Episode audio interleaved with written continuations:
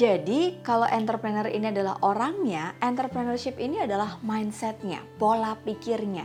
Jadi sebenarnya entrepreneurship ini adalah sebuah pola pikir yang pantas aja orang-orang tuh ada yang jadi entrepreneur tapi dia nggak bisa menjalankan entrepreneurshipnya karena nggak ada mindset sebagai pengusaha. 2023 banyak banget berita-berita tentang resesi yang dianggap prediksi resesi ini membuat ekonomi jadi lesu dan secara psikologis uh, masyarakat juga jadi kayak daya belinya turun. Nah, apa kabar ya para entrepreneur? Karena aku juga salah satu di dalam usaha yang sekarang lagi aku jalanin baik bisnis konsultan maupun sekarang lagi nyoba retail uh, fashion gitu ya teman-teman. Jujur ini kayak sesuatu yang nggak mudah.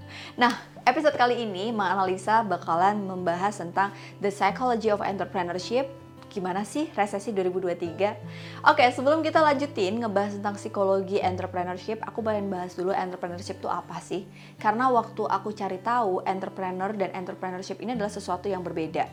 Sebelumnya nih teman-teman percaya nggak kalau entrepreneur itu adalah sebuah profesi yang bisa kita pilih kan banyak ya sekarang kalau ditanya kerjaannya apa? I'm an entrepreneur ya kan? Itu terlahir emang jadi entrepreneur atau terlatih? Karena ada bisnis yang dijalani oleh keluarga besar terus kayak waktu anaknya di generasi keberapa bisnis itu nggak jalan. Karena apa nggak terlatih atau emang nggak bakat?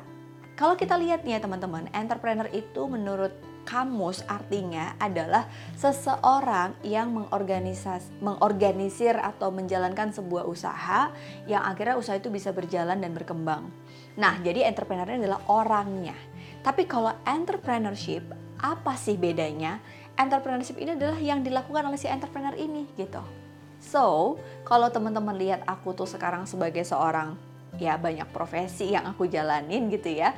Entrepreneur ini tuh sebenarnya menjadi sesuatu yang menantang karena di 2023 akan ada banyak isu-isu yang mungkin nggak bisa kita prediksi. Nah, jadi kalau entrepreneur ini adalah orangnya, entrepreneurship ini adalah mindsetnya, pola pikirnya. Jadi sebenarnya entrepreneurship ini adalah sebuah pola pikir yang pantas aja orang-orang tuh ada yang jadi entrepreneur tapi dia nggak bisa menjalankan entrepreneurshipnya karena nggak ada mindset sebagai pengusaha. Mindset yang selalu dimiliki oleh para entrepreneur adalah yang selalu optimis. Ini nih, aku kalau ngeliat pengusaha ya yang sukses, mereka tuh kayak nggak pernah pesimis sedikit pun, bahkan kayak prediksi resesi itu nggak membuat mereka takut. Mereka selalu memandang secara positif dan berpegang teguh pada harapan-harapan yang pasti di depan mata.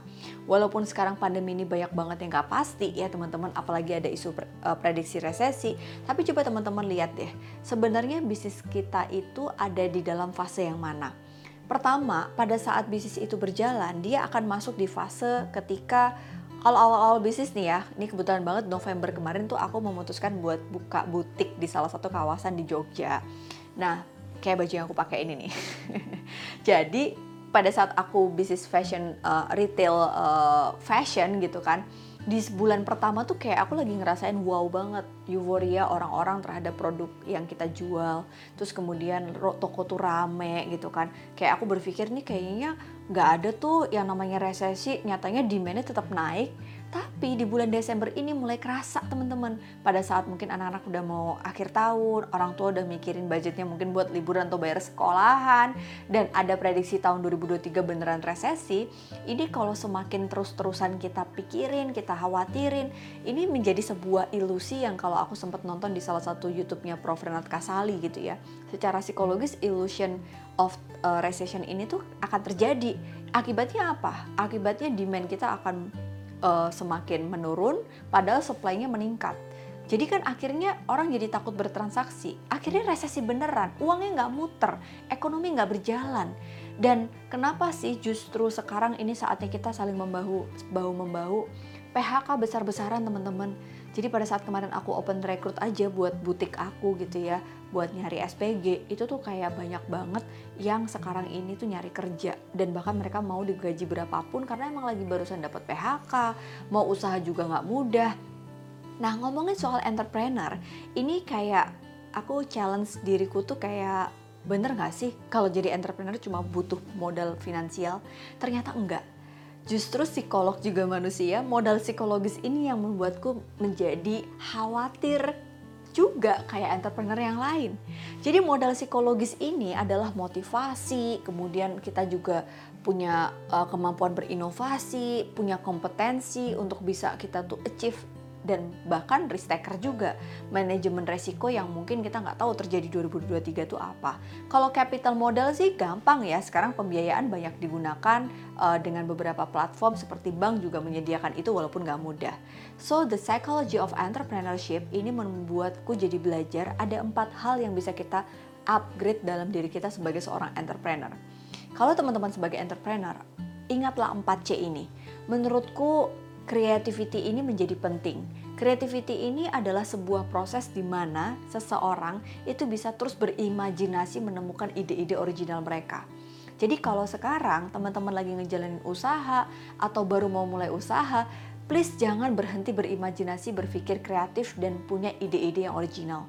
Dari ide-ide itu ternyata perlu kita tuangkan dalam pemikiran yang kritis.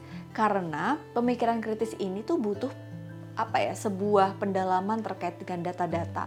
Boleh teman-teman survei dulu. Jadi waktu aku mengambil uh, keputusan untuk bisnis fashion ini, aku coba untuk riset dulu market yang aku punya itu sebenarnya usia berapa sih? Kemudian mereka tuh jenis kelaminnya apa sih yang mereka suka, yang mereka minati dari platform media sosialku apa sih? Ternyata fashionku gitu. Nah, akhirnya Itulah yang membuat teman-teman pada saat di awal bisnis, critical thinking ini menjadi sangat penting. Nah, dalam proses perjalanannya ada yang namanya teknik komunikasi. Ini bukan cuma sekedar delivery idea kita, tapi bagaimana kita bisa mengeluarkan gagasan kita dengan tepat kepada market yang tepat. Karena kalau nggak tepat marketnya, ya nggak sampai tuh ke situ. Secara psikologis, berkomunikasi dengan market yang tepat adalah cara kita untuk melihat, mengobservasi behavior apa sih yang, yang dimiliki oleh konsumen kita gitu. Nah yang terakhir nih klinis banget. Compassion. Jujur sebagai seorang entrepreneur yang aku menjalankan bisnis itu sudah sejak tahun berapa ya? APDC berdiri 2015 2011 waktu itu aku sempat bisnis yang lain gitu kan. Tapi gagal. 2008 aku buka butik kecil-kecilan juga. Tapi dari kegagalan-kegagalan itu ternyata aku belajar satu hal yaitu compassion. Kemampuan kita berbaik hati sama diri kita yang saat itu sedang terpuruk dan gagal. So buat kamu para entrepreneur yang sekarang ngejalanin bisnis tapi belum berhasil, aku tahu banget rasanya kayak apa untuk bisa bangkit. Jadi compassion ini penting untuk kita bisa berinovasi kemudian hari apa yang kita katakan kepada orang pada saat dia terpuruk. Misalnya nih, adik kita, pasangan kita, kakak kita, rugi bisnisnya. Pasti kita akan kayak memberi semangat mereka. Nggak apa-apa ya, semangat ya besok dicoba lagi ya. Kalau kita bisa berbaik hati sama orang lain, kenapa kita nggak bisa berbaik hati sama diri sendiri sih? Aku rasa compassion ini adalah modal psikologis yang paling besar yang dimiliki, yang dibutuh dimiliki oleh para entrepreneur menghadapi 2023 ke depan jadi kalau sekarang usaha kalian lagi merosot, lagi terpuruk, gak apa-apa. Yuk bangkit pelan-pelan. Karena proses kita menjadi pengusaha itu kayak proses kita jadi murid, gak pernah selesai untuk terus belajar. Salah satu cara kita belajar adalah meningkatkan kapasitas kita, motivasi kita, energi kita supaya kita all out, supaya kita bisa maksimal dan percayalah itulah hanya tugas kita. Batasannya sampai di situ aja. Hasilnya percayakan pada yang punya kehidupan. Terima kasih udah nonton Alsa Channel dan semoga 4C ini bisa kita pelajari bareng-bareng. Be creative, mm, be critical, and be compassion. Jangan lupa juga untuk be good dalam komunikasi sehari-hari. Komunikasi yang paling penting adalah komunikasi sama diri sendiri. Apa yang kamu katakan sama dirimu saat kamu gagal? Apa yang kamu katakan sama dirimu kalau kamu berhasil? Dan apa yang kamu katakan sama dirimu saat nonton episode ini? Boleh kasih komen di bawah. Terima kasih udah nonton analisa channel kali ini. Assalamualaikum warahmatullahi wabarakatuh.